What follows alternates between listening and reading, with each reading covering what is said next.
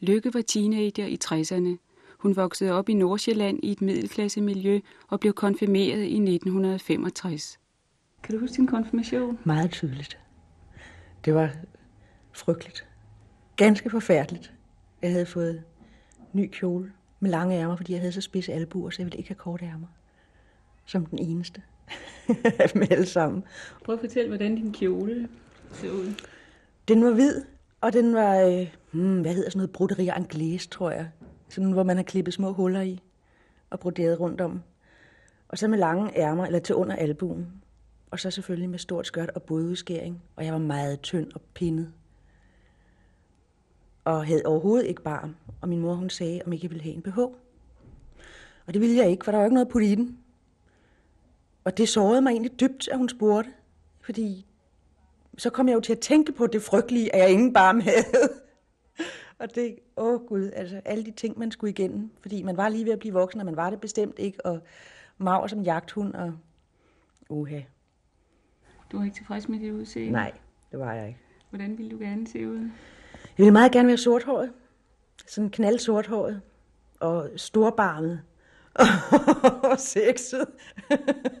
og det var jeg ikke. Jeg var en lille tynd pige med stor tud og briller. Hvor gammel var du, da du fik din første BH? Jeg har nok været 15 et helt. Jeg strittede nok lidt imod det der med at blive voksen, sådan på den måde. Det ville jeg ikke rigtig. Mine forældre, de var sådan lidt, lidt sådan, de synes det var lidt kedeligt, at jeg enten læste bøger eller gik lange ture i skoven. Og jeg gik ikke i popklubben, eller gik med fyre, eller sådan, nej. Sad og eksperimenterede med make det var ikke rigtig mig, altså. Men du følte et pres fra dine forældre til at gøre det? Ja, det gjorde jeg. Så men nu, nu kunne jeg godt tage at blive lidt mere kvindelig. Og det sårede mig dybt, for lige på det tidspunkt, der begyndte jeg sådan at føle, sådan, åh, jeg var begyndt at blive lidt mere voksen, og måske lidt mere kvindelig på en eller anden måde. Hvordan ved jeg ikke. Men lidt voksen og få et andet syn på tingene end, end bare at lege.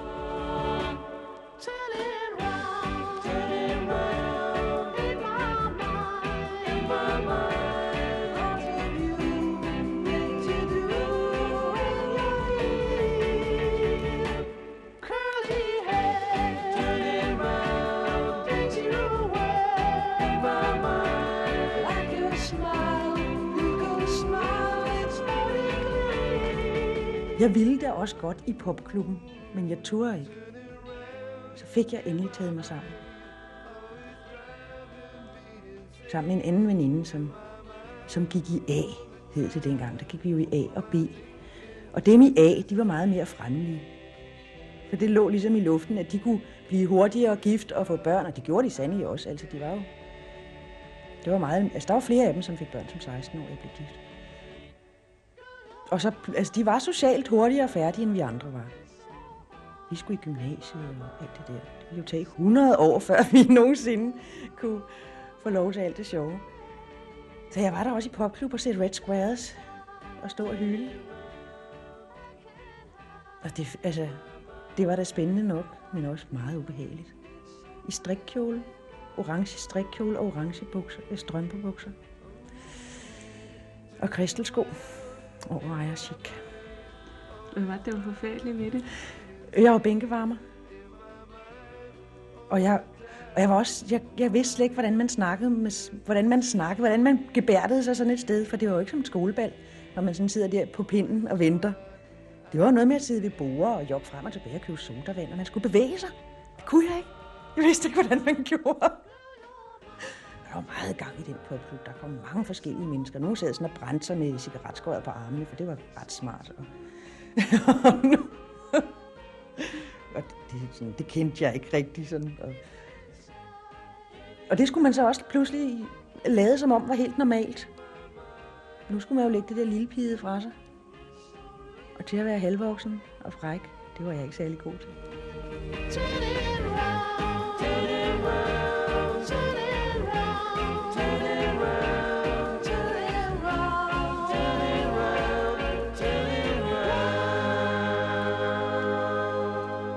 Var tre veninder, som var sådan en blond og en mørkhåret og en rødhåret. Det synes vi var meget raffineret. Og, og vi var altid sammen. Så vi var sådan rigtig hjerteveninder, som gik med hinanden om skulderen i skolegården og var meget sammen om eftermiddagen og passede børn sammen sådan om eftermiddagen. Kan du huske, hvordan det var med din første menstruation? Ja, det kan jeg godt. Vi var de tre veninder, og vi fik det faktisk med en uges mellemrum. Og det, det synes vi var sådan ret spændende. Og vi havde jo gået sådan og kigget på de andre, som havde fået menstruation og ikke måtte være med til gymnastik. Og jeg gik med min mor ned i skov Epa og fik indkøbt hygiejnebukser og bind. Og så blev jeg puttet i seng. Det blev sådan, jeg var sådan lidt stolt. Jeg synes, det var sådan lidt flot. Nu var jeg da lidt rigtig kvinde, synes jeg. De der bukser, du fik til det, hvordan var de? Afskyelige. Det er sådan noget nylon og, og med sådan nylonindlæg for neden og hægter til at hægte bindet fast i. Og de blev lynhurtigt meget snavsede, og man havde ikke noget, man, man kunne ikke lige gå ud og vaske dem, og man havde ikke noget forhold til det. Altså, det blev noget, åh, hvor var det ledet altså. Og det der nylon blev meget hårdt i vask. Man havde sådan en fornemmelse af, at man knitrede, når man gik. Og at alle folk kunne se det. De der veninder, du havde, hvad lavede I, når I var sammen? Vi snakkede. Vi legede nogle gange, men det var ikke så meget mere. Vi snakkede meget om fyre, og, som vi ikke havde nogen af. Og hvem der var sød og sådan noget. Og så løb vi på det tidspunkt ind i nogle gevaldige problemer med, vores, med to af vores lærer, lærerinder, som åbenbart følte det som et stort problem, at vi var tre veninder, som var meget sammen. Og det forstod vi ikke et suk af overhovedet, så de må have grebet det lidt dårligt an. Men øh, det endte meget voldsomt med, at den ene måtte flytte skole, og jeg tabte fire kilo, og den sidste, hun flyttede over til nabobordet, fordi så var jeg paria. Det var noget med, at vi havde siddet og sendt breve rundt i klassen, som man jo gør i den alder, med hvem har været sammen med den, og hvem har været i seng med Bent, og hvem har kysset Johnny, og alt sådan noget. Og så sad den ene og ordnede i sit penalhus, hvor man jo havde de sædler der. Og så greb den ene lærerinde fat i penalhuset og læste sædlerne højt, blegnede og, og få op på inspektørens kontor. Efter at have skældt den stakkels pige hedder ære fra for at være en gadetøs og mærkelige ting. Altså. Og vi var simpelthen uberørt af menneskehånd, alle tre. Og der er det ikke særlig behageligt, når voksne mennesker ligesom griber ind i de ting. Hvordan havde du det med fyrene på det tidspunkt? Jeg var evig forelsket og turde aldrig så meget som bare snakke med dem. Der kom også en englænder, som jeg selvfølgelig også forelskede mig i. Det var sådan, de skulle gerne være lidt fjerne, så jeg i hvert fald ikke kunne have bare en minimum af en chance for at støde sammen med dem. Fordi så var man nødt til at gøre noget, og det turde jeg ikke. Hvordan havde du det med dine forældre? Jeg havde det godt med min far. Med min mor har jeg fået det godt nu, vil jeg sige. Hvordan havde du det med hende dengang? Jeg forstod hende ikke. Jeg forstod hende ikke, og hun forstod ikke mig. Overhovedet. Hvad var I uenige om? Det har jo nok været om, om at jeg har været uforskammet eller sådan noget. Men jeg ved det ikke. Det, det, det var sagen uvedkommende i virkeligheden. Det var skænderiet, der var det vigtigste. Men det var ikke sådan, det var skæld ud, du tog imod? Nej, afgjort ikke. Jeg gav igen alt, hvad jeg kunne. Og har der nok også været døde hår, som man nogle gange er i den alder med, du spiller jo dit liv, og jeg vil i hvert fald ikke leve dit liv om igen, og herre bevarer sig, jeg synes, I skal blive skilt, og alt sådan noget. Ikke? Lige ordne sin mors tilværelse med et håndkendslag. Det har jeg sikkert gjort. Det tror jeg nok, jeg har gjort. Og det har jeg måske såret hende helvede til, og så har hun givet mig alt, hvad jeg kunne få. Så vi har rigtig siddet der og haft det hyggeligt. Det må være skænderiet, som er det vigtigste. Ikke? Altså, en magtkamp på en eller anden måde. Ikke? Og på det tidspunkt var min far og jeg meget tæt knyttet til hinanden. Han kunne ligesom styre mit liv på det tidspunkt. Og der har min mor nok følt magten løb sig hen. Magten og magten. Ja, på en eller anden måde. Ikke? Sådan noget som seksuel oplysning, var det noget, de gav dig? Nej, det var det ikke. Det var hvordan mor, som vi havde lige fra vi var små. Og det var det. I skolen fik vi noget seksualundervisning af vores biologilærer. Det var en meget pinlig affære. Det synes han ikke var sjov. han var rød helt op i ørerne. Så fik vi en ny biologilærer året efter.